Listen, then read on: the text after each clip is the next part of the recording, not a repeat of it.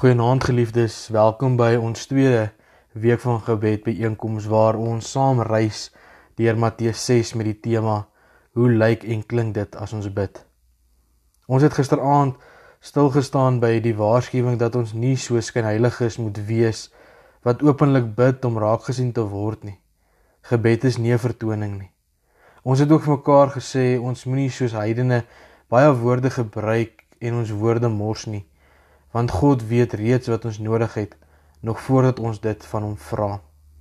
Vanaand gaan ons verder en ons begin na die Onse Vader gebed self te kyk. Die groter gebed bestaan uit 6 kleiner bedes. Ons gaan vanaand na die eerste 3 kyk. Kom ons lees dit saam vers 9 en vers 10. So moet julle bid, ons Vader wat in die hemel is, laat u naam geheilig word. Laat u koninkryk kom laat U wil ook op die aarde geskied net soos in die hemel. Geliefdes, die eerste bede begin met die erkenning van God se vaderskap. Dit moet ons lei tot die heiliging van sy naam.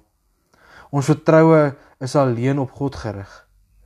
Hy as Vader sal ons tog veel eerder antwoord en na ons luister as wat 'n aardse pa sal doen. Die gebed is ook een van God se eer wat bo alles gestel sal word. Dat ons onsag vir hom sal hê oor die hele aarde heen. Dat ons as mense hom sal ken soos hy werklik is. Dat ons hom sal heilig. Hom sal roem en prys in al sy werke. Die tweede bede is gefokus op sy koninkryk wat moet kom. Dit geld vir beide sy heerskappy in die wêreld as aan ons as gelowiges, kinders van die Vader se eie lewe. Dit is 'n smeekgebed dat dinge op die aarde reggestel sal word soos God dit van die begin af bedoel het om te wees.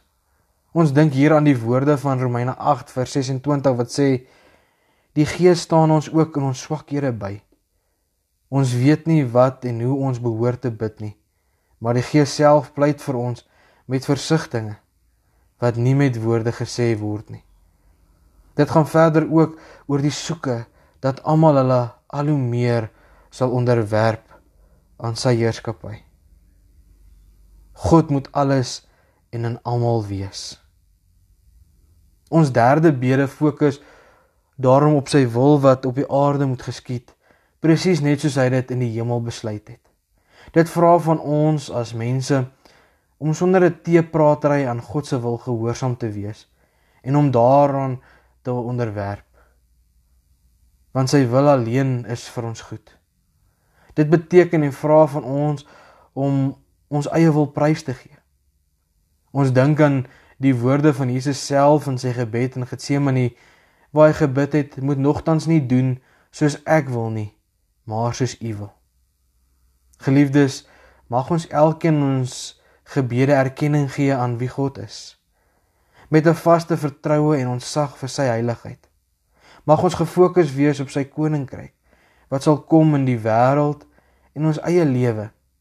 En mag ons altyd verlang en soek na God se wil om te geskied in ons lewe en nie ons eie wil te laat heers nie, maar dit te laat vaar en op absoluut op God se wil staan te maak.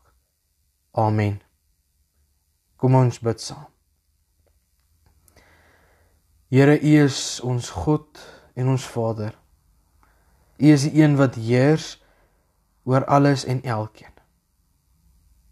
U is die een wat die wêreld in stand hou. Mag ons bewus wees daarvan ons afhanklikheid tot U. Here, ons plaas ons vertroue totaal in U. Geer dat ons nie net weer op onsself ingestel sal wees nie, maar dat ons gefokus sal wees op U koninkryk wat aan die kom is in ons eie lewe, maar ook oor die wêreld heen.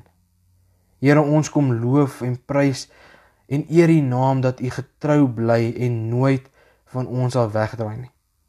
Leer ons U wil en gee dat ons gehoorsaam daarop sal reageer en daarvolgens sal lewe.